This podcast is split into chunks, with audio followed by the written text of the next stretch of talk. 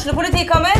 Ine Jansen er purk. Er du purk? The motherfucking bitch. Alt jeg vil, er å finne ut hva som skjedde med mannen min. Jon Carew. Er jeg sikta for noe? Iben Akeli. Det er du. Ole So, Lars Berrum og Big Daddy Karsten. Hvem sin side er du på, egentlig? Anette Hoff, Tone Danielsen, Kommer du fra Afrika?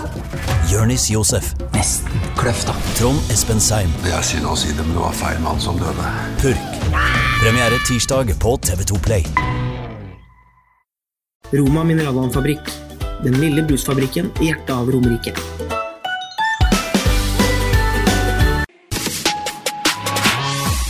Du lytter til fotballpodkasten Dødball.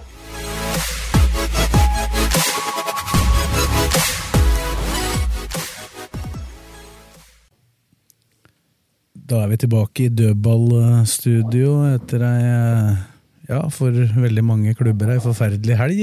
Det skal vi komme nærmere tilbake på. For forferdelig start på denne poden. Vi befinner oss jo over store deler av Romerike. Blakeren, Fredrik Larsen, du, du var her i tide som normalt. Jeg bor rett borti gata, jeg, så jeg er Kan, ute. og, og kan klokka. Ja, ja. Så jeg slapp uh, trafikkulykker og hele pakka, og så slipper jeg å drive med dette nye uh, bordet ditt. Miksbordet. DJ Dan. DJ Sves. DJ Sves, da. og jeg, jeg, jeg gjorde comeback på sykkel i dag, etter å ha stort sett booka under for været siste tida, så det gikk fint gjennom Lillestrøm. Der var det ikke noen problemer. Du kom litt seint, Kristin, men det var kanskje bare sånn Jeg kan ikke klokka, vet du. Nei, det er det. Nei. det, er det. Jeg bor midt i Lillestrøm, ja, òg. i dag har jeg et hjemmekontor. Så ingen gode unnskyldninger. Og for de som lurte på hele navnet ditt, så heter du Kristine Tovik, da.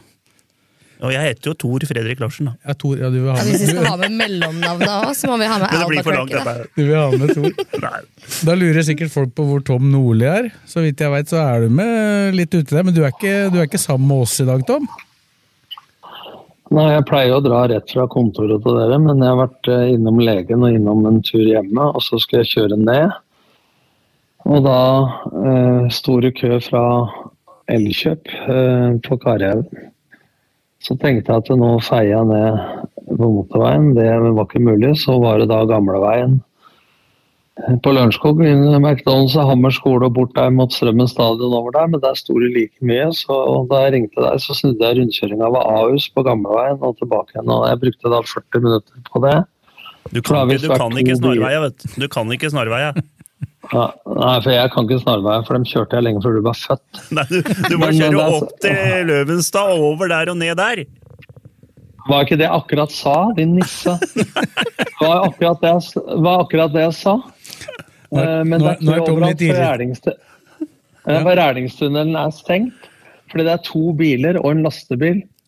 Så da må all trafikken som vanligvis går da tunnelen til Lillestrøm, den går nå da over Løvenstad, som du foreslo.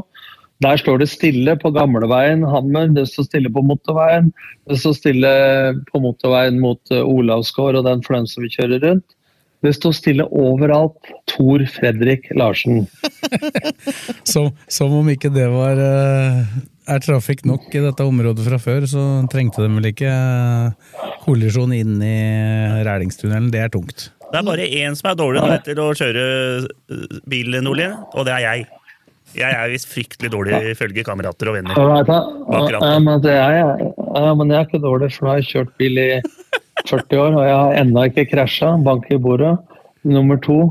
Jeg har fått én bot i hele mitt liv, for 58 Du har rygga over- bikkja di, da. Du har rygga over bikkja di, da. Ja, det har jeg. Det kaller vi krasj! Det er, det er sjekk på, på Trodde det var en grå stein. Og. Det hører med, til- det hører med til historien at han var 13, 13 år, stakkar, og lå under høyre, lå under høyre forhjulet. Uff a meg. Ja. Da det Da skulle vi ikke ha ny, vi skulle ikke ha ny hund.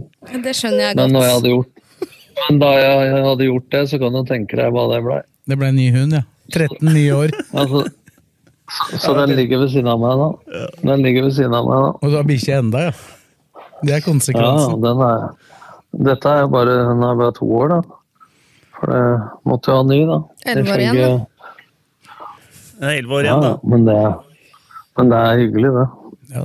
Eh, Nei, det er, hyggeligere enn trafikk. ja. Nei, det er, vel, eh, det er vel hyggeligere å prate om noe annet, eh, Kristine, enn uh, Døde bikkjer. fotball. Det var var nesten hyggeligere å prate om døde bikkjer enn fotball akkurat nå. Jeg tror det er litt i tvil om vi skal fortsette med det. Ja, er Men, jo det. eh, men du var ikke på kamp i går, du? Nei, jeg var ikke det, da. Det er bursdag. Kan du, kan du gjette, Tom? Hvorfor? Det kan han ikke. Det, Det kan. la han på, faktisk. Hørte om bursdagen? eller? er Alle var rett og slett på. Sier at det er bursdag jeg var i, så bare detter han ut helt. Nei. Han ga opp, han. Stakkar. Det er tydeligvis en trøblete mandag etter en uh, tung fotballhelg på Romerike. Vi jobber med å få tak i Tom igjen. Har vi deg med nå, Tom? Ja, nå har du meg med til deres og lytternes eventuelle sorg. Eller glede? For det, for det, det var jo Ja, eller For det var litt glede vi skulle prate om før, eh, akkurat når du var i ferd med å dette eller datt ut der. Det var jo at Kristine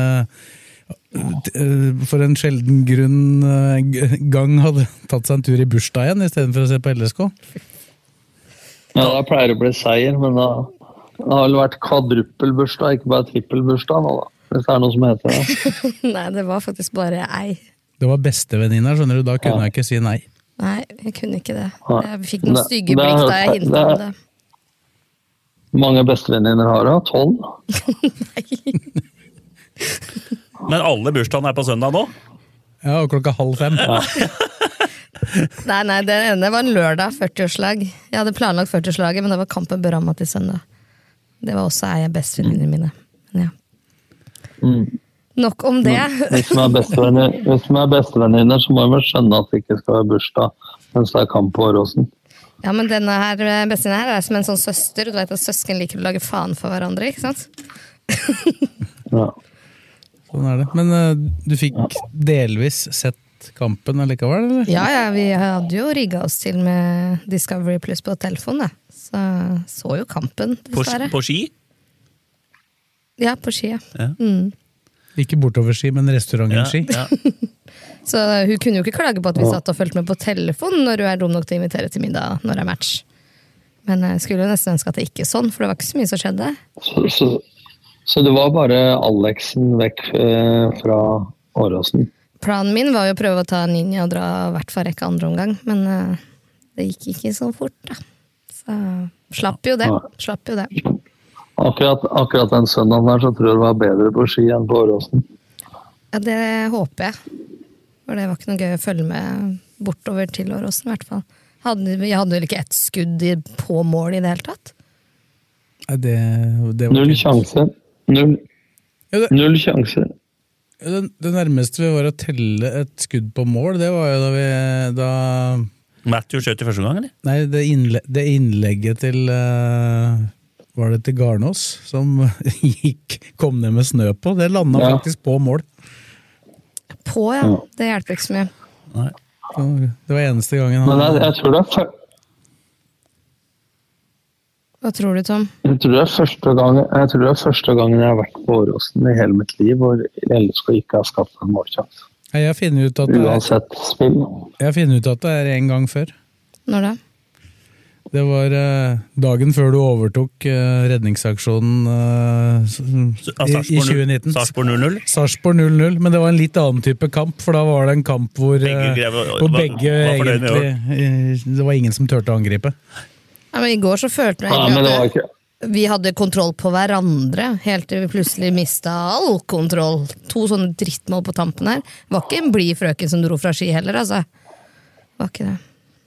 Nei, så dumme mål òg. Nei, men, den, men den kampen i 2019, da, da var det jo satt mye med iPad på benken og valgte jo å ta kvalik istedenfor å prøve å vinne, og konsekvensen kunne vært nedrykk. Så prøvde man jo. Hadde man vunnet den kampen, så hadde jo Geir Bakke og Sarpsborg rykka ned. Ja, ja, det var det Så, samme. Og så var det det da- samme med Sarpsborg, da. At dem hadde jo rykka ned hvis Lillestrøm hadde skåra. Ja.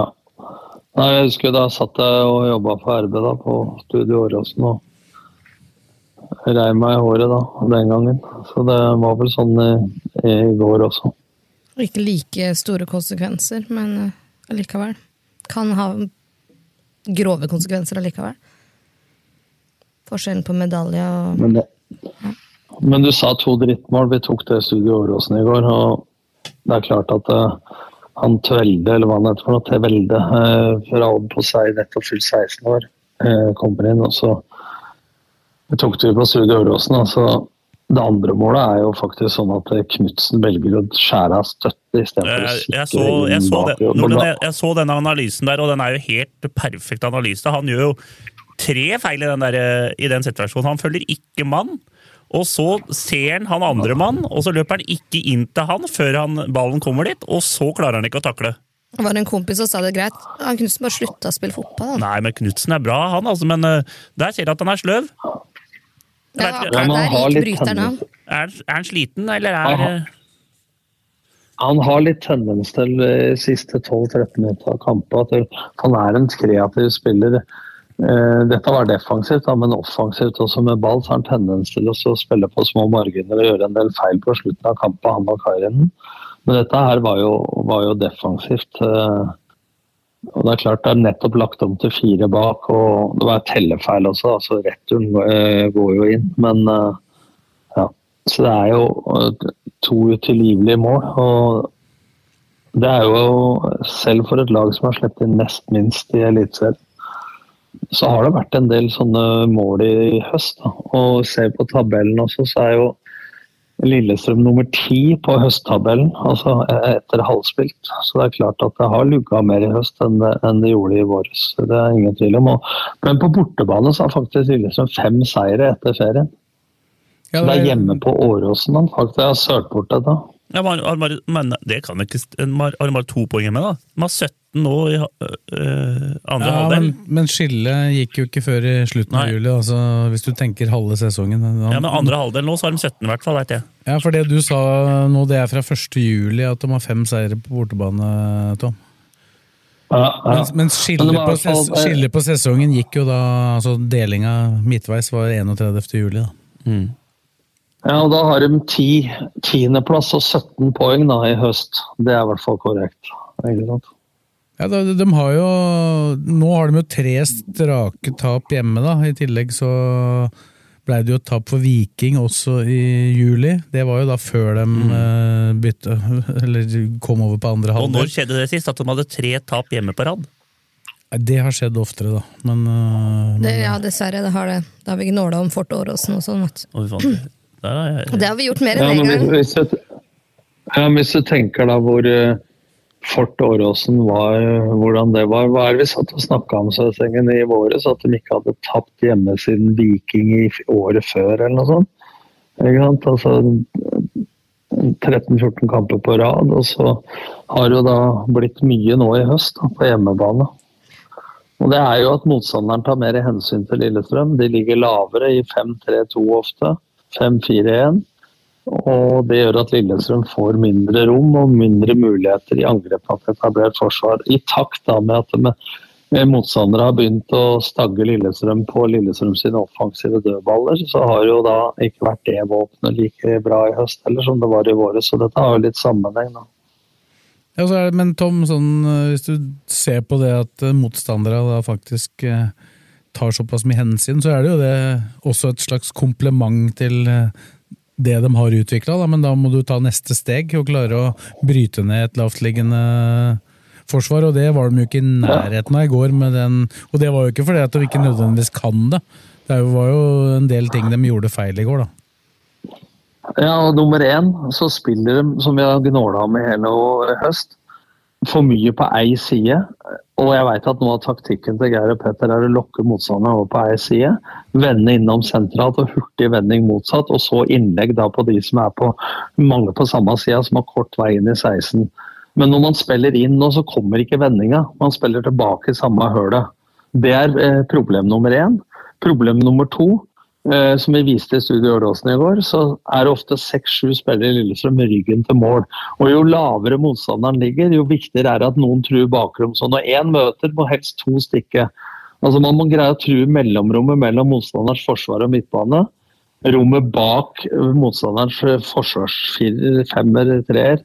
Altså bakrommet og siderommet samtidig. Det Lillestrøm gjør nå, er at de spiller mye i korridor, altså ut på sida. Og så greier man ikke å true mellomrom og bakrom, spesielt bakrom.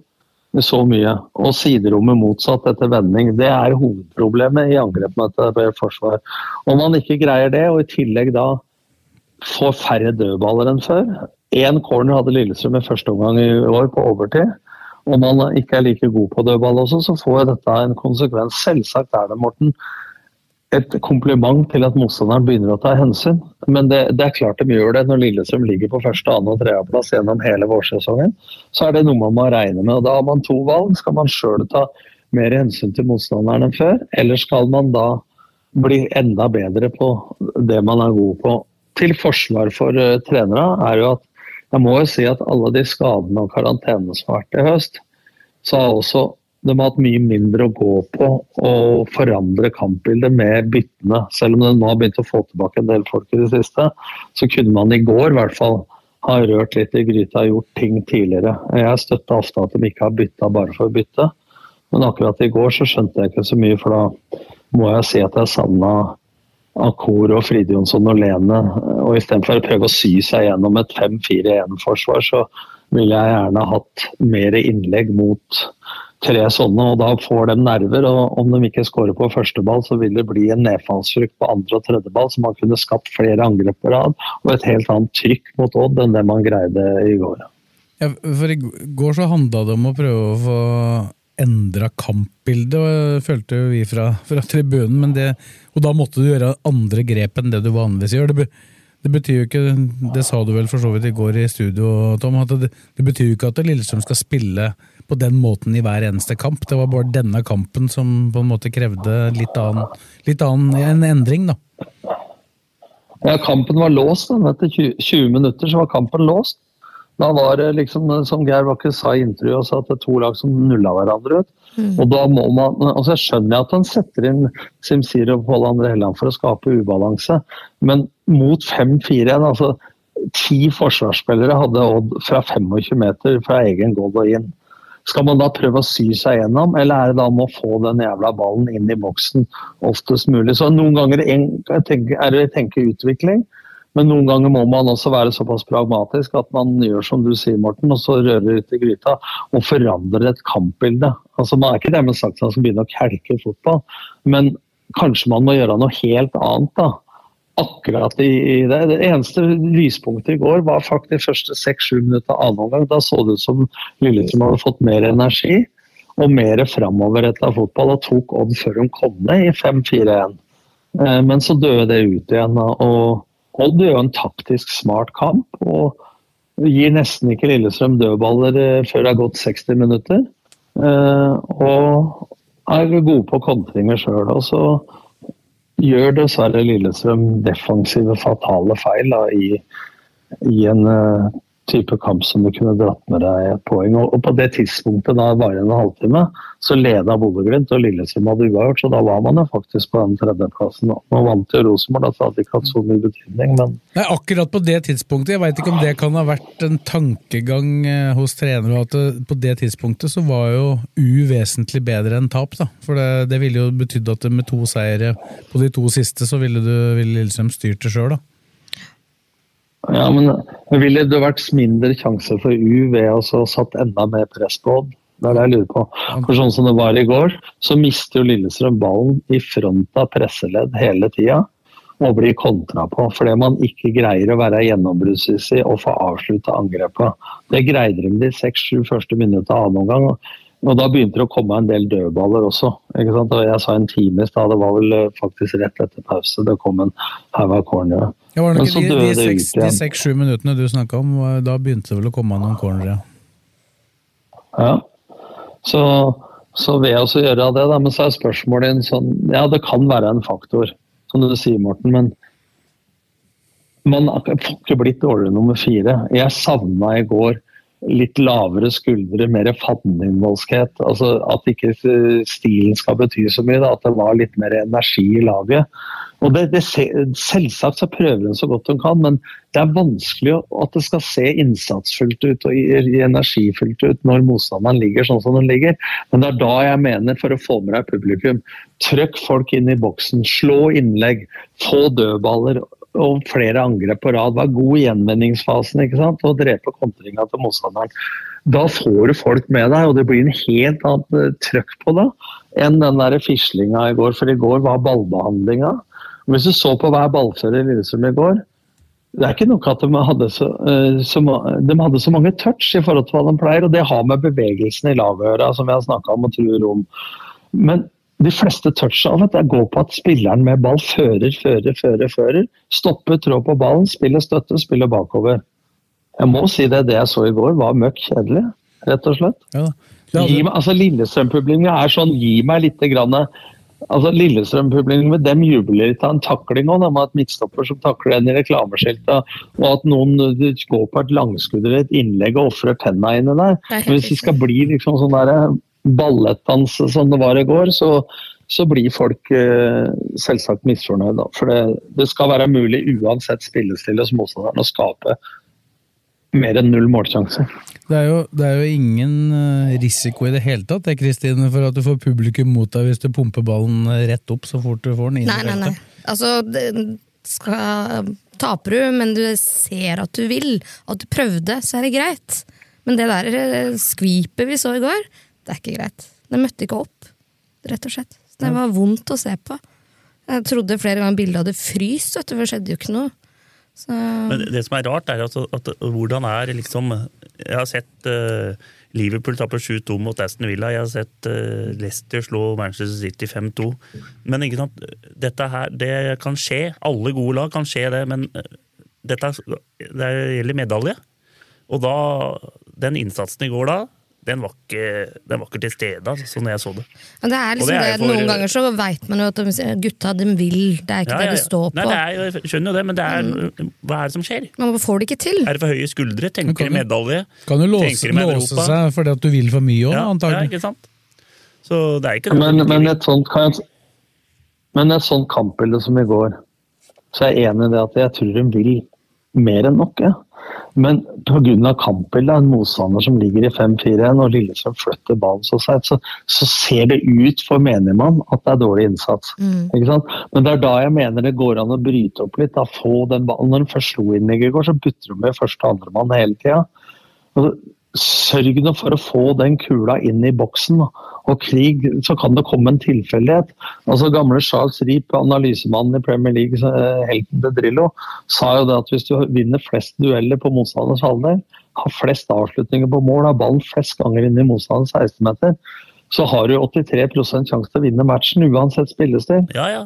Måla, måla, står ikke mellom 16-meterspissen og cornerflagget. Og det er samme som jeg sier til Flash holdt det på hele går. Det er samme som jeg sier når jeg renner blakker òg. Det er bare skyt! Det kan skje noe. Inni bein, inni stopper opp, andre ball, treball. Alt kan skje inni den boksen der. Ikke sant? Det er eh, straffer. Straffa, mye straffer blir ikke dømt? Inni den 16? Jeg blir i hvert fall ikke dømt ut. Ja, men hvor mye straffer som ikke skulle bli straffer òg? Som blir dømt hele tida? Mm. Fotballen er rund, og dommerne altså, er jo Frispark utafor 16. Altså, livsfarlig. Må, det er som Nordli sier, at, men det, det er jævla viktig å få vinkel også på innlegga. At det er uh, mulighet til å ikke bare få dem sånn at du står sånn som du sa, da, at de står med fem med ryggen til mål. Du må få litt vinkler, at uh, kanta kan slå, men slå fra si fem meter inn på banehalvdelen, ikke sant? Men med vinkel, så gutta kan komme hvis, opp. Ja, men hvis du skal slå fem meter inn på banehalvdelen, som jeg er helt enig i, Blakkaren, så blir det jo en blanding av gjennombruddspasninger eh, og, og innlegg. Og Det gjør at motstanderens forsvar må løpe med trynet mot egen goal. Ja. Det er mye verre for dem ja, enn hvis de kan bare stå på egen uh, eh, 11 meter straffemerke og nikke ballen ut hele tida. Og han Obus vår var jo sammen med Bjørtufte og han uh, Hagen, så var jo dem uh, hedda unna alt som var, hvis ikke innleggene ble blokka. Altså, I går, altså én ting til. Når Lillestrøm har tre, fire og fem spillere inne i 16-meteren og er i fart da må innlegget komme. Men det som skjer, er at Dragsnes og flere har sjanse til å slå innlegg.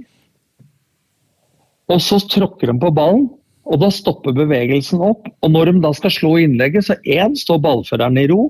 To, de som har løpt inn i feltet i full fart, de må ta nye bevegelser Og Da blir det enklest i verden å stå imot. ikke sant? Ja, ja. Innlegget må jo komme mens det er løp på vei inn i boksen. Ja, og at motstanderen det løper er hjemover. Og så foran Ja, Forsvaret. Se, se det Bruyne, da. Det er et typisk eksempel. Alle innlegg kommer foran Forsvaret, hvor det er alltid vanskelig. Og mange treffer ikke han. Ja, Særlig hvis motstanderen Ja, ligger lavt. Ja, så, Ja. ja. Gjør ofte det når City spiller Forsvaret, så Ja, men du ser hvor tidligere de slår. Ja. Se hvor tidligere de slår innlegga. Og de gjør det vanskelig for forsvarsspillere. Ikke sant? Det er, eh, det er, sånn, det som det er sånn at det, det blir sånn at du tråkker på ballen, og så er bevegelsene ferdig, og da blir det bare kål. Da må du ta Men det, men det jeg syns har vært tennis nå i høst, er at Lillestrøm har blitt et ballbesittende, omstendig lag som spiller mye ute i korridor. Og, og De sier veldig ofte i intervjuer også at vi må ha lengre angrep, sier spillerne osv. Vi må dominere kampen med ball osv. Det er ikke noe vanskelig å vinne ballbesittelsesstatistikken hvis, hvis det mesteparten av ballbesittelsen er én på egen halvdel, to ute i korridor. Hvem er det som gidder å fly på der hele tida? Og blir lokka ut der. Altså, de står jo bare og venter, Odd, i 5-4-1. Ikke sant? Så, så det er jo De prater mye om LSKs idé da, men uansett spillestille hva de velger Og jeg syns det har vært kjempeutvikling gjennom i fjoråret og i år, spillestilsmessig. Men ikke glem at skudd, tidlig innlegg, dueller, andreballer, gjenvinning er en del av alle typer spillestil. Så det ikke bare blir sånn tøffelfotball. Tråkke, uh, spille støtte bakover, bakover, på tvers, på tvers over. Og ballen skal innom hver jævla eneste spiller. Så når eh, Lillestrøm i går vender spillet, så rekker jo hele motstanderen bare Den flytter seg den bare tre-fire meter til sida, mens Lillestrøm driver og flytter ballen. Istedenfor å hoppe over noen spillere og klinke den eh, kula direkte motsatt. da. For du kan vende spillet på tre måter. I ledd, via ledd og direkte. Men når all vending av spill skjer i det leddet de har ball, da blir det vanskelig for Lillestrøm og lett for motstanderen. ja. Det var vel greit oppsummert. Vi har vel uh, prata nok om elendigheten. Ja. Det blir ikke noe medalje jeg skriver i dag. Jeg vet ikke hva dere tenker etter at Nei, nå- Rosenborg vant den Hvis kampen. jeg, hva skal jeg si? Nå, hvis jeg sier ikke medalje nå, så det blir det det. medalje, da. Ja, ja, ja, for du sa jo medalje du da for første gang eh, forrige gang, så det, det er vel Blakerens skyld dette da, Kristine. Ja, Ja, Nei, altså, jeg har jo ikke trodd på medalje i det hele tatt, jeg, så jeg tror fortsatt på fjerdeplass. Ja, men han snudde. Han, ja. Men jeg og han er ikke samme person. Men det er bare én ting her. Det er veldig rart nå at dere to fortsatt ikke tror det kan være mulig å bli nummer fem.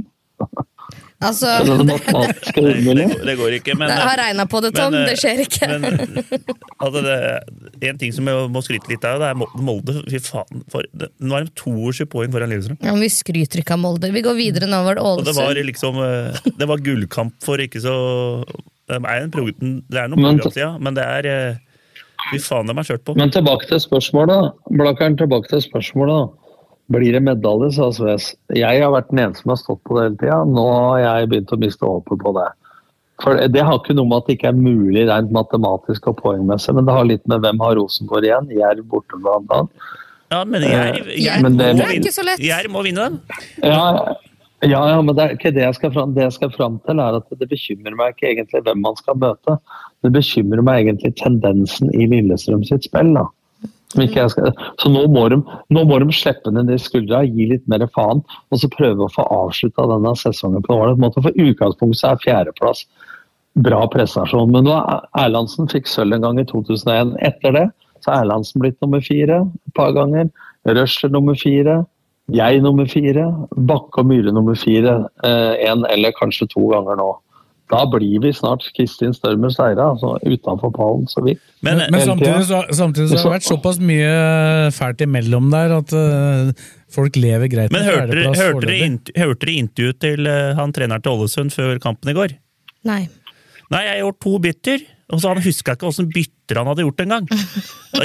Da skjønner du at han Jeg husker han, altså den andre ja, Vi har i hvert fall gjort to bytter. Så Ålesund, dem er ferdig. Dem er ferdig. Sesongen er Ja, men ferdig. de kan, ta, det, det, ja, men de kan de vil revansjere nå. For det først så fikk de fri i to dager. Og så trente de en økt. Og så tok de fri siste økta òg.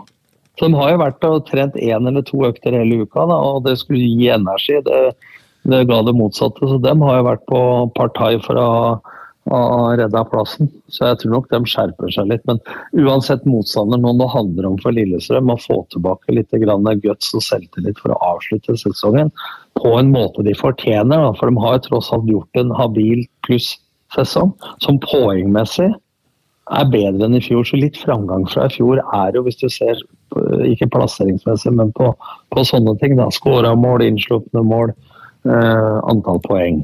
Skulle de ende på 57 poeng og begynne med fire, da, så er de vel antageligvis et av de beste lagene på fjerdeplass noensinne når det gjelder poeng. da. Hadde gitt medalje noen gang. Da har de, Nei, kan bare få har de ikke bare 50? Ja, 56, ja. 56. Ja, Ja. jeg begynte å lure. Ja. ja. De har 50 nå. Ja, men 56 det er ganske Det er samme de hadde, men da var det jo to lag mindre i ligaen, selvfølgelig. Da de tok sølv i 2001, hadde de også 56 poeng. Men da hadde Rosenborg men da 57. var det jo men da var det jo 26 kamper og ikke 30. Ja, det var fire kamper mindre, så det var sterkere prestasjon, Ja. selvfølgelig. Så, men Nei, eh, altså, men det er ofte det siste folk husker, da, så jeg håper jo at de nå får avslutta på en verdig måte, for det i går, det var uh, seigt, altså. Jeg er enig. Jeg har bedt om fri mandag 14., så Men så er det også, som dere sa på Studio Åråsen i går òg, så er det jo dit Hvis du ser på målforskjell og sånn, så ser du de tre, tre øverste laga. Dem er jo De fortjener å være der. ja, LSK har sluppet inn nest minst, men det er jo flere lag bak dem som har scora mer. Ja, så, men så har de jo Lillestrøm har jo tapt mot Rosenborg borte. De tapte mot Molde og Bodø-Glimt hjemme. Og da Jo da, men når det gjelder akkurat det interne kampa, Ja. så kommer de ikke så gærent Nei, ut, men, som jeg sa sist. men når det gjelder, da? Nå på slutten? Jo, jo, men de gjelder, jo like mye, de Ja, ja, kampene på våren. da. ja, men eh, de har litt mer å si disse kampene her nå. Det er bare Bodø-Glimt de har eh, minus mot. Altså Hvor de ikke har tatt flere, like mange poeng. Det er jo nulla ut, så det er jo, de har jo tapt poenga i de andre kampene, egentlig. Det er jo der de har tapt, eh, Men man kan de- bak. Men man kan dekke seg bak poeng, da, og mye man vil. Men altså 17 poeng i høst, tiendeplass, det holder ikke mål. Og det er klart at den tendensen kan ikke fortsette. Det som har bekymra meg i det siste, er variasjonen i spillet. Altså at prestasjonene har vært mye dårligere, både offensivt og defensivt. Eh, der man vippa kampa i sin fordel, hadde trøkk på dødball. eh, og en enorm vilje. Eh, og det, det jeg tror det er litt mentalt også, at det, når man lå på første og annenplass, så var man en periode Lett å si nå, men det virka som man var litt for mye opptatt av å forsvare en posisjon. Da. Pluss at man fikk skader på feil spillere i akkurat den perioden. Hvor du måtte spille med Fridjonsson, halvskada osv. Man venta på at Lene skulle bli klar osv. Og Holst røyk. Og, Ja, Det var også i den er perioden, liksom- den perioden hvor de spilte Europacup samtidig. da. Så det blei jo ekstra belastning på de samme i den perioden. da. Og så ryker Lundemo, så ryker Eskil Ed, og lenge han ute. Så de har en jobb å gjøre noe sånn spillelogistikkmessig også inn mot 2023. Altså, hvis du tenker på de kontraktene som går ut, og de som eventuelt blir avslutta fordi folk ikke har prestert osv. Det var det jeg tenkte Ja, vi skulle gå, litt, i- gå litt inn på, faktisk. Altså, hva, vi har så vidt snakka om det i Studio Åråsen vet jeg, for eh, 14 dager siden, Tom, men hva, hva slags spillertyper er det det mannskapet her trenger? For det er jo at en del av de kontraktene som går ut, ikke vil bli forlenga. Det tror jeg er ganske, det er jeg ganske sikker på. Jeg er spent på Tom Petterson og hans eh, skadehistorikk osv. De må ha inn, hvis Petterson og de som er i Forsvaret blir, så må de ha inn én stopper. Hvis ikke så må de ha inn to. To stoppere. Og så har du jo, selv om men- men- Ogbu, ikke har vært god nå, da, så er det jo en viss interesse for han. da. Så det kan jo bli en ekstra stopper Ja, inn ja. Altså, Ja, det kan bli en til interesse for tre. Dragsnes kanskje òg? Nei, det tror jeg ikke. Ja, men nei, altså, du må jo glemme de 20 millionene på han. Han blir.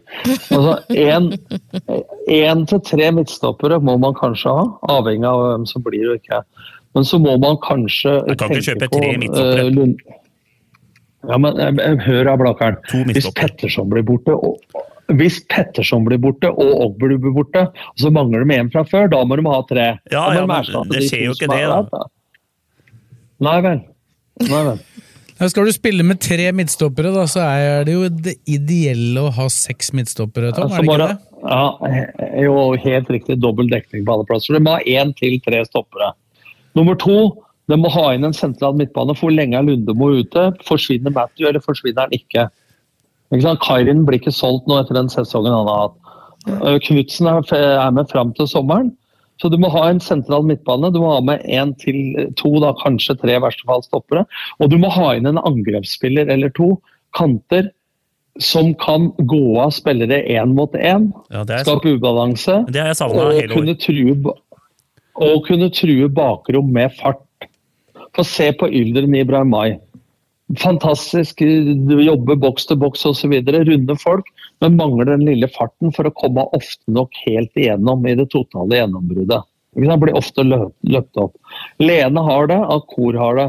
Åsen Aasen har det ikke. ikke? Altså, du må ha folk som kan ha forskjellig type spisskompetanse.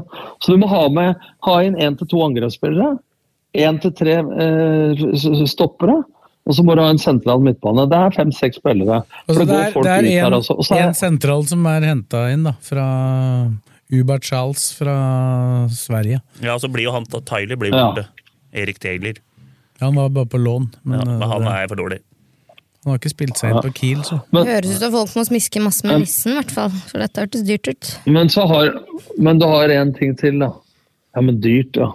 Men du har en til, og det er hva da med Eskil Eds skade? Han hadde samme skade i motsatt kne, og kneskåla delte seg. Var borte et år, halvannet fra juniorlaget. Opererte den. Hva skal man gjøre nå? Skal man utrede mer og operere det, eller skal man la det gro? For nå nå var han jo i stor framgang, men har hatt smerter igjen. ikke sant? Altså, det er også et usikkert kort, da. Eh, Eskil, ikke sant? Ja, det er synd. Ja, Wingback-posisjon er jo generelt en eh, usikker posisjon, da, med tanke på at det allerede har vært én i manko på venstre wingback. da. Selv om han spiller jo Det er ikke så lett å hente inn erstatter til Vetle Dragsnes heller, da, for han spiller jo alle kamper hvert eneste minutt. Ja, men ja, for, også Han har jo spilt venstre stopper med bravur. ikke sant? Altså, Det, du ha- kan ikke tvinge, du kan ikke tvinge han til å spille der.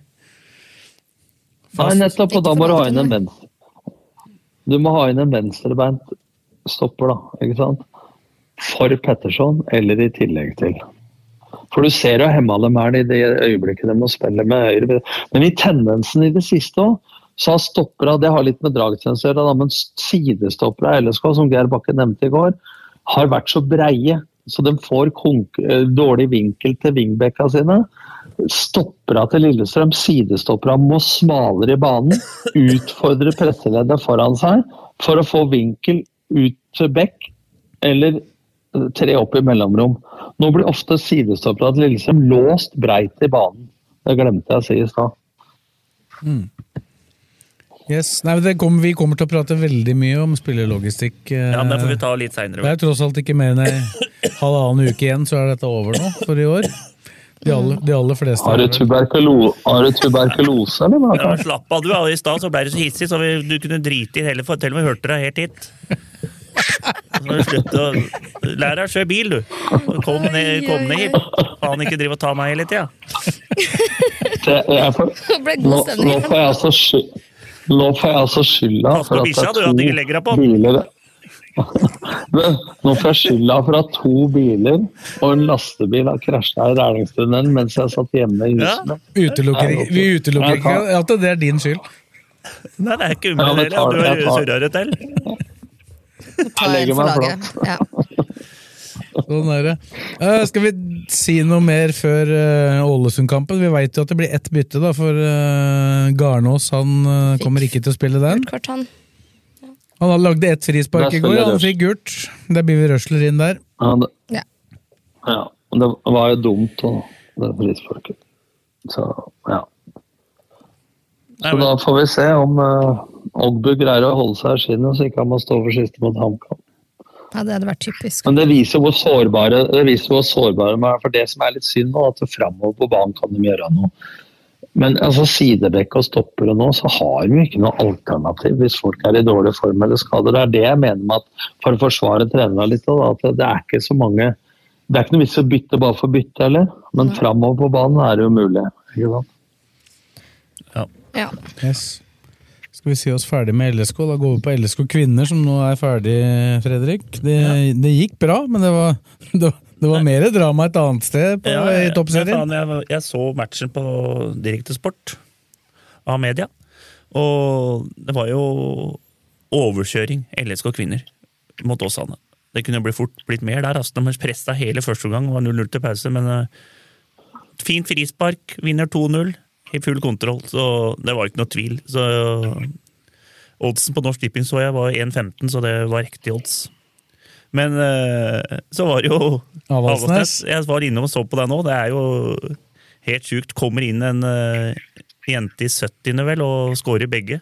Og redder Avaldsnes. Men det, alle jubler, og det er greit. og sånne ting. Og sånne. Vi klarer kvalik, men de skal klare kvaliken nå. Møte Øvrevollen. Og det er ikke bare å møte opp. Det har jeg vært med på før. det Jo, greiene der. jo. Det er bare å møte opp. Jo, men det har Det er bare å Men de er jo veldig unge, disse jentene til Riise, så det er jo de har jo ikke vært i sånn situasjon før. De kan få høye skuldre, dem òg. De Nei, hadde, men- hadde jo ikke noe å tape nå sist, egentlig. Nei, men jeg tror det har skjedd én gang ja, at et kvaliklag nedenfra, som er nummer tre i divisjon under, vinner kvaliken. Det skjedde jo fryktelig mye Så rart i den der nedrykkspulja der, da. Eller, altså, Ja, ja, du så Kolbotn. Kolbotn gikk ned, og Avaldsnes var bare overtidsmål unna at dem eh, gikk ned. Ja. Nei, ja, det der, Så du det målet? Så du det målet? Nei, det gikk over streken så vidt. Vent opp, vent, vent, vent opp på 11 meter og skøyt. Ballen måtte ta bussen for å komme fram. ja, ja. Og keeperen slapp den under seg. Nei, det var Ja. Men når det er sagt, da, så må jeg si det at jeg kan godt si at Riise har sagt mye dumt, og man klipper den serien på TV osv. Ja. Men det er jo nesten sånn at når Avaldsnes har tapt, så er det Riise som har tapt, og ikke laget. Ja. Eh, så jeg unna han akkurat den der, altså, for at han, han har fått jævla mye tyn. Ja. Og du trenger ikke få så mye dritt som det han har fått. altså Det syns jeg faktisk er, er litt unfair, for å si det sånn. Nei, nå fikk han jo et ne- fikk jo et nedrykk i fjor med Flint i tredje divisjon, og så satt det sikkert eh, ganske mange og håpa at han skulle rykke ned igjen. Altså, han, eh, han koste seg nok litt i går kveld. Men det er jo helt sjukt at det laget han har Det er jo, det er jo 16- og 17-åringer som spiller fast her. Det er ganske Ja, kult, da. men en, anbe en anbefaling da En anbefaling da kunne jo vært eh, å sette seg i speilet og tenkte skal jeg hoppe over den TV-serien i år? Ja, ja, men det er sjansen for at det skal gå jævla det er sikkert vært Ja, men sjansen for at det skal gå bra var jo ikke stor. Var ikke stor. Nei, men det er vel, den TV-serien er vel lagd for litt for at de skal få opp jentefotballen og toppserien og litt sånn. Ja, men hva får du opp det med? Nei, Hvis du får- taper hver jævla gang. Nei, men nå, ble, nå i går så ble det jo en jævla opptur eh, for damefotballen, syns jeg. Det var jo beskriving på forsider i alle aviser.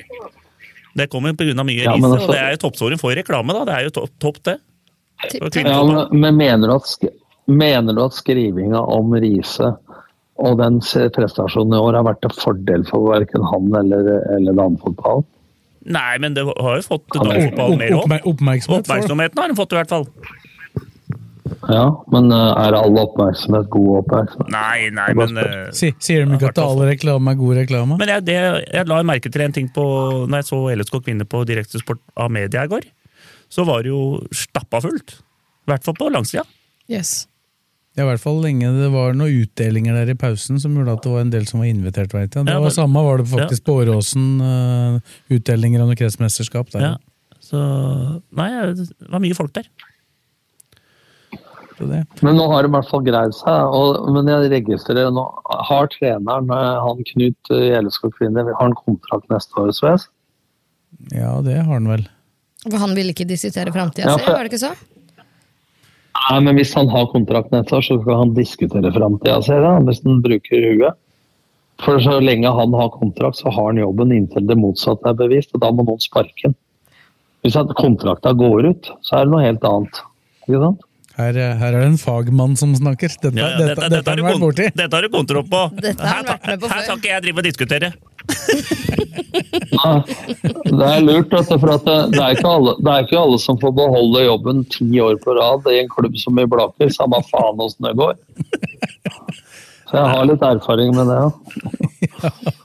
Nei, det er bra, da. Men eh, nei, det er vel eh, Det spøker vel for den framtida til eh, Knut Sladleim. Det har vel ikke vært en trenerprestasjon i verdensklasse, selv om det har vært litt spillerutskiftninger og ikke så sterkt lag at du kanskje kunne kreve at de skulle ta noen medalje, selv om det var målet.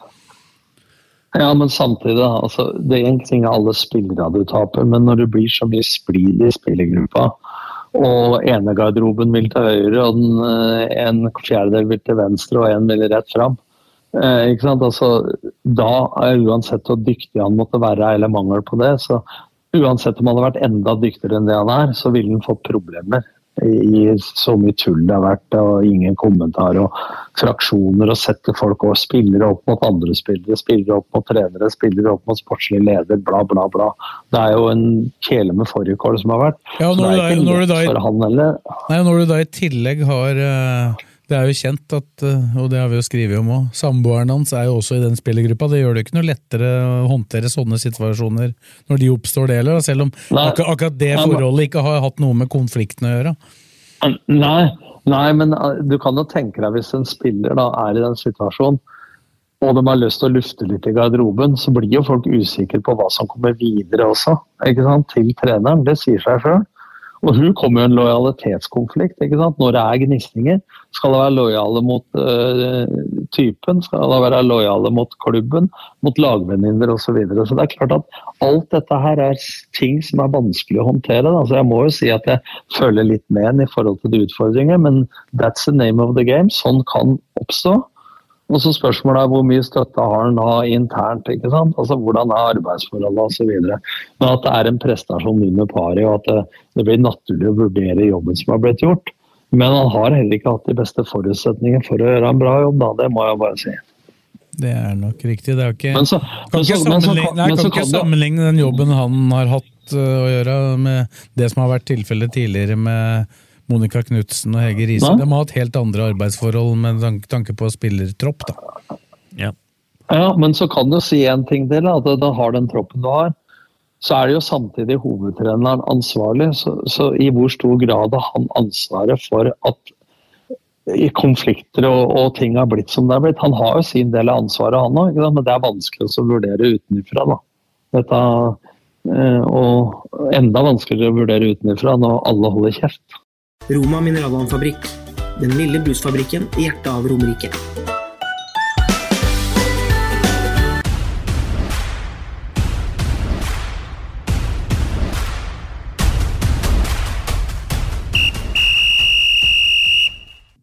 I denne lystige episoden av Dødball så skal, så skal vi fortsette med en ny mørk historie.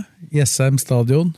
Der eh, vant Arendal 3-0. Jeg var sjøl til stede som kommentator og prøvde å geleide folk gjennom dette. Det blei jo, Fredrik, et ordentlig møkkamål eh, etter eh, et par minutter der, og så Det kan jo skje. Det er jo sånn som Ja, ja. du ikke får, alltid får gardert deg mot. Så det var jo, jeg tror de hadde litt sånn Det så litt sånn ut at de skulle liksom vente litt på Arendal. Og liksom kanskje 0-0 er jo greit. Så, Ja, for de leda 1-0 for ja, den første. og så får de så tidlig mål Arendal, og så blir det jo helt annerledes. ikke sant? Men så klarer jo Ullskisa ha kommet til noen fryktelige sjanser, som vanligvis han Sundgodt setter. Ja, Sundgodt hadde to megafeite sjanser i første omgang til å utligne til 1-1, som hvilket Ja. ville betydd at de hadde leda med ett mål igjen. Og så hadde jo han Nyhagen ei heading i stanga rett før Arendal går opp og skårer 2-0.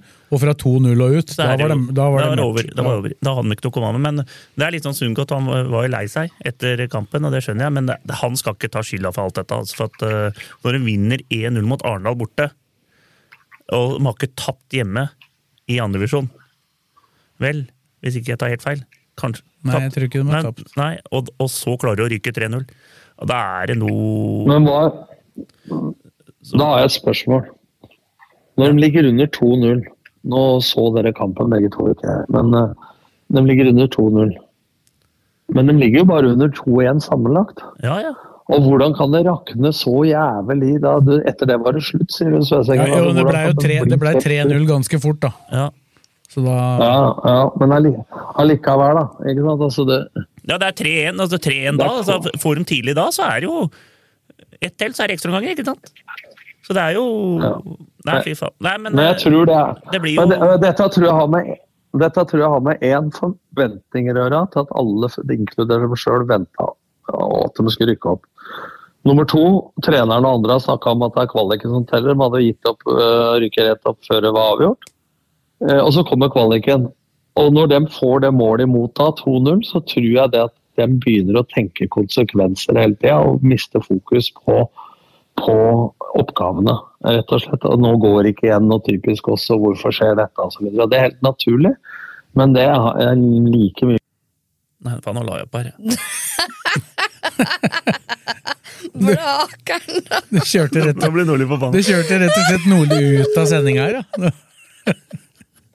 Sorry, Nordlien. Har har, har du fått TV? Du, du, nå la du på, da. Ja, men det var for hard utskjell av utkist her, så vi måtte bare ta fem minutter.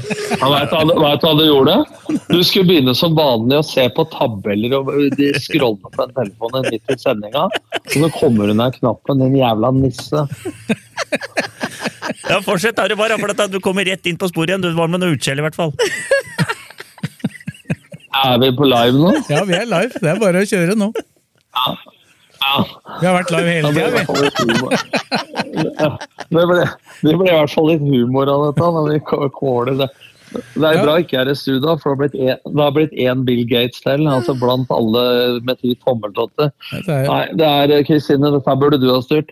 Men hvor var jeg? Altså, eh, jeg tror dette har mer med det mentale å gjøre enn det rent fotballmessige. Altså, det er ofte sånne kamper. Hilsen dommedag og andre, alle, alle andre dommedager. Så, så det, og det takler de ikke. Nei. Og for eh, den boosten Arendal får da, når de får 2-0, ikke sant? det har jo sammenheng. Men, men jeg skjønner ikke hvorfor det skal rakne på 2-1. 2-1, 3-1. Det er ikke kjørt da, for det var ganske lenge igjen da, var det ikke det? Jo, det var 2-1 og 3-1. veldig lenge igjen. Sammenlagt, altså. Ja, da. Ja. Ja, Det tar et halvt sekund å skåre et mål. Så, ja. Nei, 2-0 kom helt i starten av andre omgang. Det var bare at Ullkis hadde hatt en kjempesjanse i stanga rett før der. En heading, av han Nyhagen Ja. i stanga. Men evnen til å nulle ut det, der. Men én ting, da. Nå har de eh, greid å rote bort opprykket. Så er spørsmålet hva er veien videre for Kisa, som har hatt trening på dagtid. Oppimot 20 millioner i budsjett, hvis mine kilder stemmer. ny Det daglig leder. Men ja, og da Ålbu borte osv. Så, videre, så det er klart at jeg tror ikke de greier å leve av med det budsjettet ett år til i Post Nord. da. Og da hvordan får de beholde spillere, hvilke kontrakter går ut. ikke sant? Steffen Jensen med kaptein osv. Så, videre. så nå er det jo spennende tider. da. Så De har kanskje den viktigste jobben å gjøre på mange mange år. Det som skjer fra i dag og fram til man begynner å trene igjen i januar. Det tror jeg er Eller om det begynner i desember, for alt jeg vet. Men eh, jeg tror det ville være veldig eh, Hvis jeg hadde vært Kisa nå, så hadde jeg ikke gått rett i ferie, selv om det mentalt er det beste. Nå hadde jeg sørga for å ta to-tre dager fri, og så hadde jeg trent videre. Mens man jobba med logistikk og sånn samtidig, og holdt spillerne varme i miljøet og prata ut om ting. Og så ville jeg heller tatt en del fri i desember, istedenfor nå å ta ferie med en gang og begynne med desember. Og så begynner folk å dras til hver retning. da. Nå kommer det viktigste tre-fireukersperioden for Kisa på mange år. Dette jeg erfaring med. Altså hva som skjer nå etter en sånn smell i trynet. Eh, og det så på dommedag i Lillestrøm, da. Eh, Sponsorfrokost dagen etterpå. Fikk med sponsorer videre. Ny giv. Fikk resigna Thomas Lene Olsen osv. Så videre. sånn type jobb som Elska gjorde etter dommedag, ligger foran Kisa nå, som blir veldig avgjørende, tror jeg. Å prøve å oppmuntre folk til å si at når jeg har vært med og ikke greier det, så skal jeg søren meg være med og greie det neste år. Altså, den type innstilling nå blir viktig, tror jeg, hvis Kisa skal være en opprykkskandidat neste år. Ja, for det, det er jo det økonomiske her som vil være veldig avgjørende. For det er ikke noe tvil om at Ullkisa tok eh, Altså, de gikk all in for å få et opprykk. Eh, Antageligvis har de hatt bedre sportslige forutsetninger enn flere lag i Obos-ligaen. de har trent på dagtid, de har, det har vært eh, liksom fullt øs. Og de visste, visste jo på forhånd Det kommer jo til å komme et underskudd der, men det er jo et kalkulert underskudd. De har jo har jo igjen penger fra salget av Elias Solberg til Juventus, så, så de hadde på en måte penga på bok og, og brukte dette nå for også å få det opprykket. Når du da ikke får det, så tror jeg, jeg tror ikke Ullkisa er i nærheten av å kunne ha den samme satsinga økonomisk. da. Nei. Så det blir spennende å se Nei, altså- hva, hvor, hvor mange spillere som forsvinner derfra nå, og hvor konkurransedyktige de er da sammenligna med i år. Ja, så kosta det jo litt å fjerne eh, Trond Fredriksen, og så kom Sundgodt inn, som sa opp som assistenttrener på en treårskontrakt. Gambla på at han skulle få hovedtrenerjobben og fortsette. Så blir han borte, og så kommer Landro inn. Altså, det er jo ting som har kosta penger, dette òg. Ja, De gjorde jo det samme som Eidsvoll- Eidsvoll-turen i fjor. Kanskje det kan bli moralen her, da. Ha tre trenere samme året, det, det er ikke så lønnsomt. No go. Nei. Nei, Vi får se hva som skjer med han Og Landro har jo heller ikke kontrakt, sånn at det er jo Hvis du leser litt mellom linjene på det han sa i det intervjuet etter kampen, så, så tenker jeg jo at han, han har jo også gått all in for å få det opprykket, så det er ikke sikkert han eh, Orker et år til. Han tenker at det er riktig at han skal fortsette et år til heller, jeg vet ikke. Men for, det, det som er jævla fint med ta med det, med Ullskista og sånne ting, det er jo at det har blitt en skikkelig fotballklubb, og at de har fryktelig store muligheter for å Når de først, Hvis de rykker opp, da, så er det muligheter å bygge videre. For det er, Jessheim er en by, det er eh, sentralt, og det er muligheter. Og de har fryktelig mye muligheter for sponsorer rundt omkring der. Så jeg tror klu- Men er en klubb jeg, som kan komme av noe fryktelig hvis den først havner i Obos.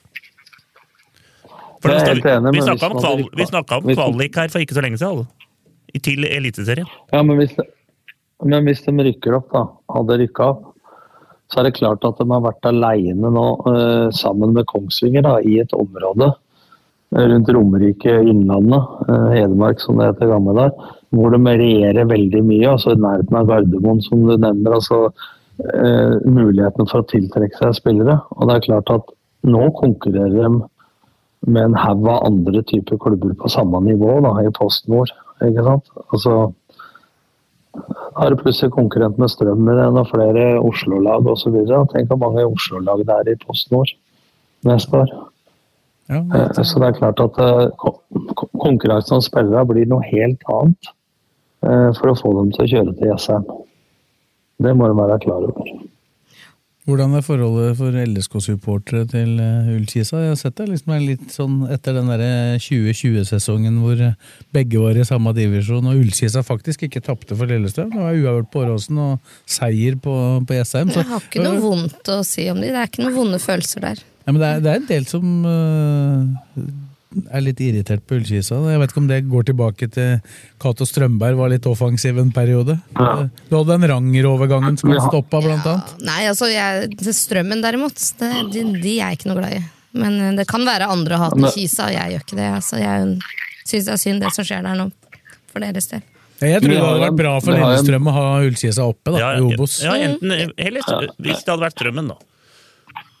Nå er det lengre vei for Strømmen enn eh, Ullskisa. vi, har, jo en bror-søster-podkast som, eh, som er ganske irritert på det. Og det tror jeg har med, som du sier, tilbake til Cato, som er en frisk leder. Da, som, de meldte vel at de skulle bli storebror og sånn. Altså, det har jo vært enkelte deler av supportermiljøet da, som ikke har, verken fra Kisa sin side eller LSK sin side, vært så glad i hverandre, for å si det sånn. Men jeg har heller ikke noe sånn Jeg klarer ikke la meg irritere av det. Nei, men Det blei litt sånn da de var i samme divisjon. da, ikke sant? Så var det noen som skulle være litt eplekjekke, både internt i klubben og blant supporterne der. Men jeg, altså, det er i hvert fall det siste Ullkisa skal ha fokus på. Det er å bli bedre enn Lillestrøm. Det, det, tror jeg, det tror jeg de kan legge trygt vekk, og så konsentrere seg om å bli en god nummer to. Det hadde en posisjon som kunne ha passa dem mye bedre, og som ville ha kommet godt ut av, tror jeg. For det er jo, det er jo som du sier, Fredrik. Det er et eh, stort potensial i og rundt Jessheim stadion. Fryktelig. Så Tenk, tenk deg følgende, tenk deg følgende. Det er, ikke, det er det slutt på at reservene i Eliteserien nødvendigvis er gode nok i Obos, men det kunne tenkt vært et samarbeid også. at det, Magnus Knutsen var jo der. Det kan jo være spillere i LSK som kunne hatt godt av et utlån i Kisa f.eks., hvis de var i Obos, da. Ja, Som fikk mangel på spillestid. Eh, Så den var litt ut og inn av LSK-laget. Men det, eh, det er spørsmål om det er like attraktivt da i, i Post Nord. ikke? Da blir det nok gjerne de spillere som er litt yngre, antagelig. Det kan jo være at det er noen som dukker opp der etter hvert, da. Men uh, vi får nå se. Det blir spennende Ja, da- tider er på. Jessheim, i hvert fall. Ja. Ja. Men jeg tror, jeg, jeg tror faktisk ikke de hadde tatt Skeid allikevel. Så. Nei, jeg, jeg tror det direkte opprykket var deres mulighet. Ja, så det, så det er Jeg tror Arendal får det fryktelig tungt mot Skeid, så Nei, får vi se. Det er jo Så jeg, jeg, så jeg, så, jeg så nå Det er onsdag-lørdag, er det jeg så nå at uh, At, uh, Jeg så nå at Vegard, Vegard Skogheim også var uh, Ferdig ferdig i Asker. Men han blir ikke noe Ullskisa-retur der, vel? Nei, jeg vet Nei. Det er jo nye folk, da. Stort sett, da. Men eh, nei, vi får nå, vi får nå se. Vi, vi skal følge med, vi i RB i hvert fall, på hva som skjer på Jessheim. Men det, men det er også en skremmende svak prestasjon, da, hvis vi skal avslutte det PostNord-greiene, at Asker rykker ned. Som var i kvalik mot Skeid i fjor. Opp. Så Ja, nei, det er eh, det snur fort. det var, det var ikke bra, det. Skal vi bevege oss eh, litt lenger ned? Det er ikke noe, det er ikke noe aktiv fotball lenger, eh, Fredrik, i divisjoner under. men vi- vi Så, jo- men det er, vi snakka jo om litt rykter og litt overgangsprat. Ja, jeg, jeg, nå har jeg jo uh, Eidsvoll-turen har jeg litt eh, faktisk litt kontroll på. Dem, uh, dem rykka jeg ned, og det var en veldig skuffende sesong. Eh, men eh, dem må Dem kommer til å miste en del spillere nå. Sånn fem-seks, tror jeg. Og vil Hvilke spillere snakker vi om da? Nei, det har jeg ikke helt kontroll på, men de skal ha, må ha en fem-seks nye, og så er det litt sånn generasjonsskifte. Så dem eh, Det er ikke som jeg snakka med Vegard Bakkavær, og han sier det at det er ikke noe sånn must at de skal rette opp igjen. De vil heller ha et slagkraftig lag når de rykker opp igjen, eventuelt. Men dem, eh, som jeg, eh, som jeg har sagt her i, før i podkasten nå, at hvis de holder stammen i laget, og pluss at de får inn en fem-seks erstattere som er brukbare, så får jo ikke de unngått å rykke opp. Så, så jeg tror turen tar det rett opp igjen. Og, men det er riktig generasjonsskifte. Men de har et bra juniorlag, fjerdedivisjonslag, var det i år. Så jeg tror det er mulighet. Turen jobber bra, og dem tror jeg kommer til å rykke opp igjen neste år. Men det er jo de to, de to antatt beste, i hvert fall på papiret nå før uh, tredjedivisjon neste år. da. Uh, Eidsvoll-turen og Gjelleråsen. Begge skal ha trener, da. Ja. Det er ingen dem som har trener på plass. Ingenting til å komme, jeg, og jeg har ikke hørt noe sånn spesielt om det heller, hvem som eh, er der. Men uh, Vegard Skogheim Eidsvoll-turen, da? Kan det være han? da? Vet ikke. det sa du med det lureste gliset jeg tror deg. Men jeg har Vegard sett i Skogheim tar en tredjedivisjonsklubb. En ting er, Blakeren har ikke så mange rykter, men han lager dem. Nei, nei. nei, men det er jo Det er, jo Det er tidlig, da. Det er Ja. Skogheim. Men det er ingen Ja, som ja, sier- men det var litt flaut, da. Ja, ja, men jeg når du sier Skogheim til Men det, det, det som eh, vi kan si der, at sånn som jeg Tredjedivisjon Jeg tror det blir fryktelig kamp om spillere nå i tredjedivisjon mellom Lørenskog, eh, Gjelleråsen, Skjetten og hvem som vil satse av den klubba. Hvem som legger fram det beste opplegget for de tre klubba, tror jeg får mye bra spillere. Men da må det være noen småpenger i bildet òg. Så jeg Men hvordan Du er det- tok ikke med hvordan er- turen der? Nei, hvordan Nei, er det? turen, ja, turen, men turen tror jeg skal som, eh, Jeg snakka med folk der oppe, og generasjonsskiftet. Jeg tror ikke de skal hente, hente, hente fra tredjedivisjon. Altså, Eidsvoll-turen har jo en policy at de skal ha lokale spillere. Da. Nå regner de med for så vidt hele Romerike som lokalt, sånn sett, da, men det er jo ganske mange som er også fra øvre Ja. Romerike. Men eh, Lørenskog, da, hva er policyen der nå? Det henter dem som ta, ta en ting først. Morten, ta en ting først. for Du nevnte jo for et par minutter siden Blakeren, at turen må ha inn en fem-seks nye hvis de får beholde stammen. Men Er de fem-seks nye fra egen stall bare, mener du? Eller de må jo hente noe utenfra? Ja, det er det jeg, det er det jeg har skjønt, at de skal hente Må ha fem-seks nye. Og satse på den yngre. Men det kan jo være folk fra Romerike, da. Fra andre Nei, men de har jo mista under sesongen og Tom Nordli, så har de mista to-tre spillere bak, bak bakre fireren, da.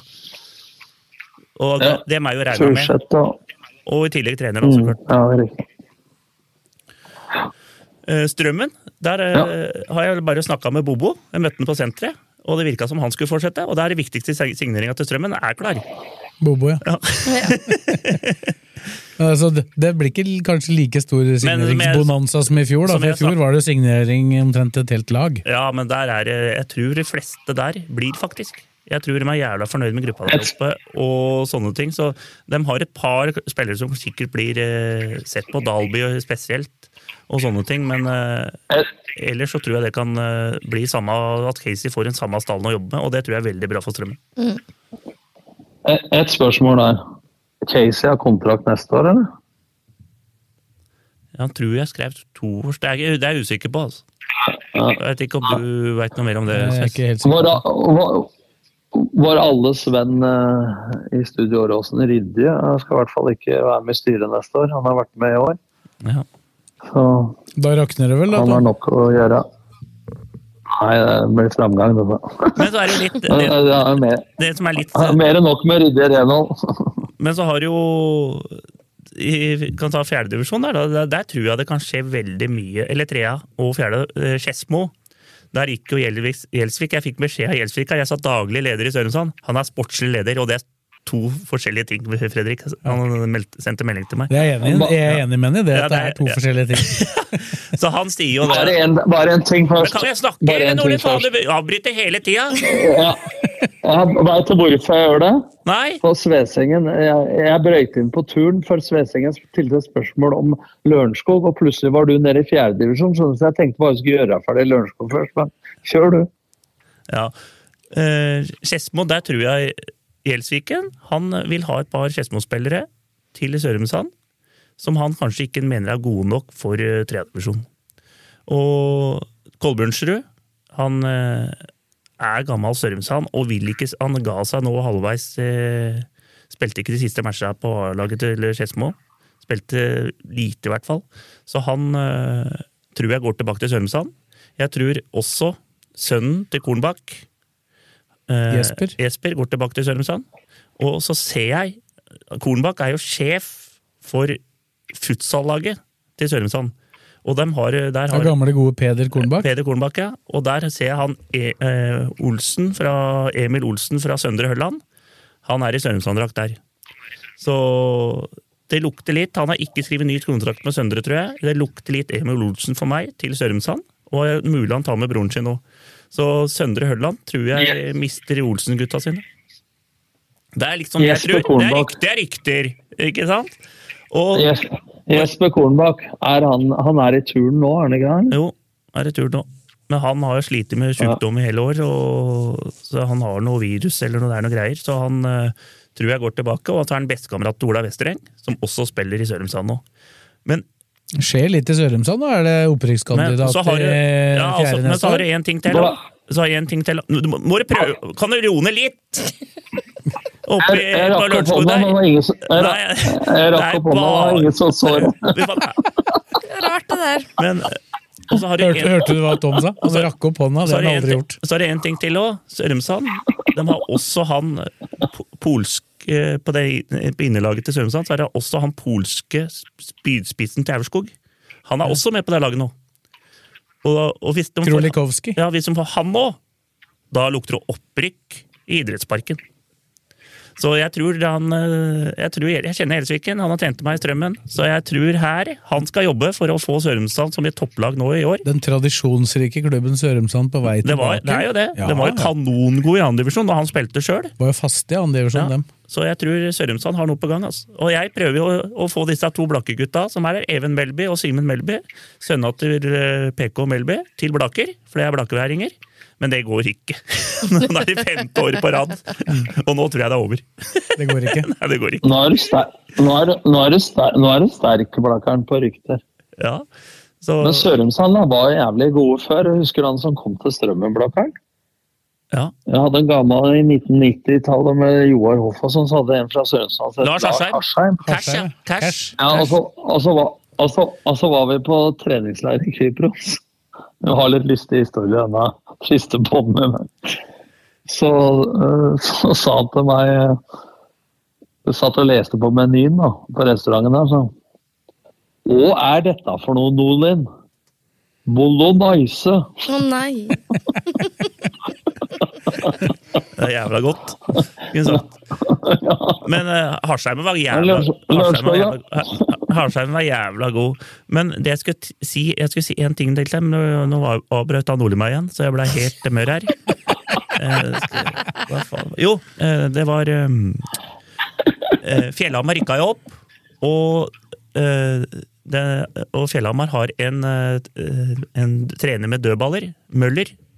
Og broren hans, 204, ble, gikk fra Blaker til Eidsvoll IF. Og Ja, ja, det var den ja, Møller, der. og broren, broren er jo dødballspesialist på Eller har kontroll på dødball på Fjellhamar. Her lukter det Møller. Store 204. Dødballtreneren på Fjellhamar. Og på den lille Fjellhamar-banen der, med Møller Jensen inn i Fjellhamar, kommer til å skåre 20 på lange innkast og cornere. Så der, der lukter det over, overgang til Eids, nei, fra Eidsvoll til Fjellhamar på Møller. Møller han, han Mølleren som er i Eidsvoll, IF, Møller Jensen. Møller Det er han som spilte hos deg i Blaker. Ja. Ja. Han spilte hos deg i Blaker, er det ikke? Ja, 204. Helt sjuk på huet. Det var eh, Holmbert Frid Jonsson som spilte mot han eh, da LSK møtte dem i cupen. Da, Og og så da tok jeg, og tok jeg bilde av dem. Men så går det det er, også- første, det er første gangen Holmbert Fridonsson har vært lavere enn en fyr, men... Men så går det også rykter om da Fy faen, nå er jeg, nå er jeg sterk her. Så går det også rykter med at uh, Bøen rykka jo opp til femtedivisjon, og samme gjorde Vam. Og Bøen tror jeg kommer til å stjele de litt spillere av dem som er litt for dårlige i fjerdedivisjon for Eidsvoll. Og Eidsvoll-turen, kanskje. Bøen, jævla fin klubb. Der kan, de kan fort uh, lokke til seg noen spillere der. Og i tillegg Vam, som også har en jævla eh, dialog med Raunes Årnes, som også spiller i femtevisjon Raunes Årnes, men får bøtter i ræva mange kamper. Tror mange der også vil kanskje gå til Vam. Så Vam, Bøen, nyopprykka i femtevisjon, det blir hard motstand neste år. Og så er det Søndre. Hvis de, de Olsen-gutta går, så kan Søndre bli litt eh, dårligere. Hvis ikke han eh, HC Bergsjø tar eh, Hans Christian Bergsrud tar og blir med hele sesongen og satser litt. Du har gjort fryktelig bra jobb her nå, Blakeren. Ja, ja, Vet ikke om du tok dette her på sparket, eller om du hadde full kontroll? Det er mye på sparket, men det er, litt, det er rykter, så her er det mye rart. Nå har han spinnet Det fram noe mye Og så er det så deilig når Nord- Nordlien sitter og bare koser med bikkja der oppe nå og holder helt kjeft. Ja, faen, jeg- Er du på kjøkkenet etter boller, eller? Jeg har jo fått ut, jeg har fått utskjell nå. Men Nå kan du ta Lørenskog! Ja, det var Svesengen som skulle ta Lørenskog. Jeg prøvde å hjelpe han inn der. men det Jeg, var jeg stilte egentlig Nei, deg et spørsmål eh, om med eh, Lørenskog. Jeg, jeg, der skal jeg ta en telefon til Kalle Gran. Kalle Gran har noen ledere der oppe med, om fotballen der. Så Ja, for det er litt hva, hva tankegangen er, for dem er jo en av de, de er jo den største Etter at Skedsmo har blitt litt eh, færre spillere, så er jo Lørenskog den klart største klubben på Romerike. Den bør jo, det har jeg ment alltid, Ja, vært, ja. være sjølforsynt med spillere og egentlig komme seg opp til andredivisjon nesten. Og det det. tror jeg, og det Men- tror men jeg de jobber med. Men eh, nå er det, helt nå, det er nå først hele anlegget er klart der oppe. Ja, De bygger jo fortsatt Ja, bygger, ennå. men nå er ny kunstgressbane, og de har muligheter. Nå, nå har de i hvert fall muligheter, og de har, det er som du sier, de er fullt av folk der. Sist, eh, det er Så- ikke mer enn ei drøy uke siden jeg var oppe og kjørte opp på Lørenskog. og Det, så- det så ikke ut som mye, mye var klart der ennå. Nei, det, er et, det Triaden-senteret har jo ødelagt den bygginga der. vet du, Det er helt sjukt. og den, eh, den Når er åssen ser det ut rundt der, Nordlien? Og jeg er innom der på den menyen noen ganger, men det er jo det er byggeplass enda. Stiller meg et spørsmål nå, så jeg kan få lov å si noe. Ja, jeg kan høre. Ja, ja, ja takk skal du ha.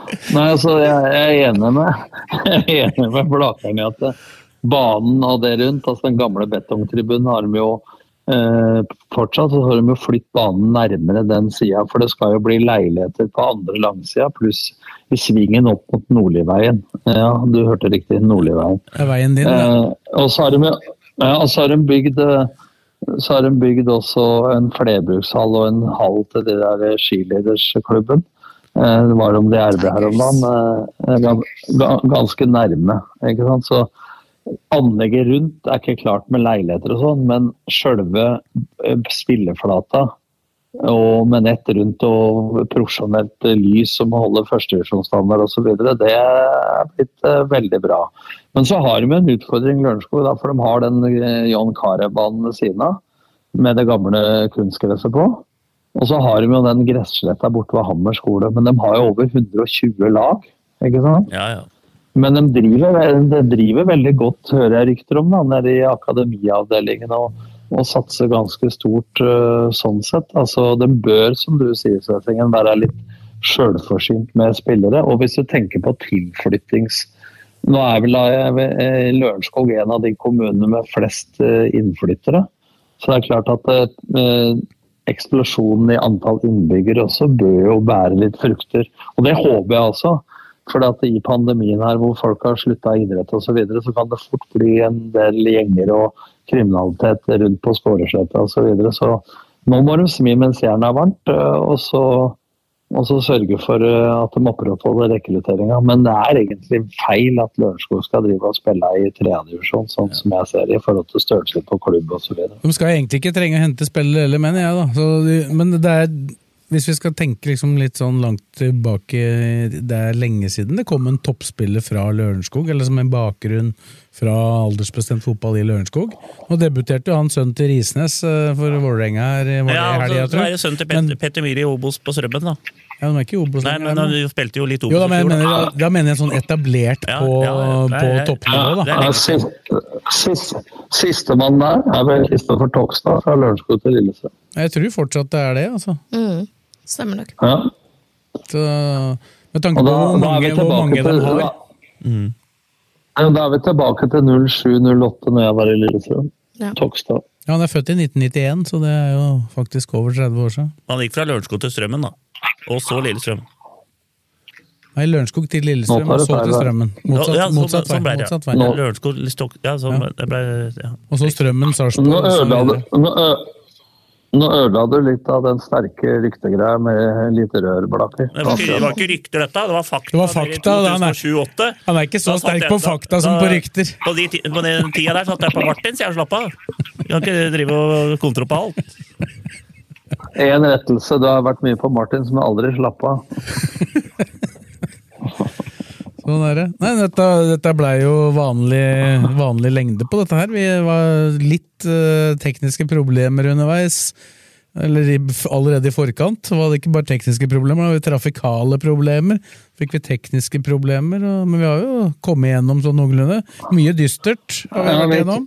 I, ti- I tillegg da, så er det ikke så lett når jeg ikke ser dere å vite når man skal ta ordet, så jeg har fått fortjent utskjell av Blakkaren innimellom her. Ja, Så skal det sies da til Eh, forsvar for at det er litt forsinkelse på deg, så det er ikke så lett heller, faktisk. Vi hører det er litt, det, litt forsinkelse Det er litt backshare på lyden her òg, så jeg håper ikke det det- går utover kvaliteten på poden i dag.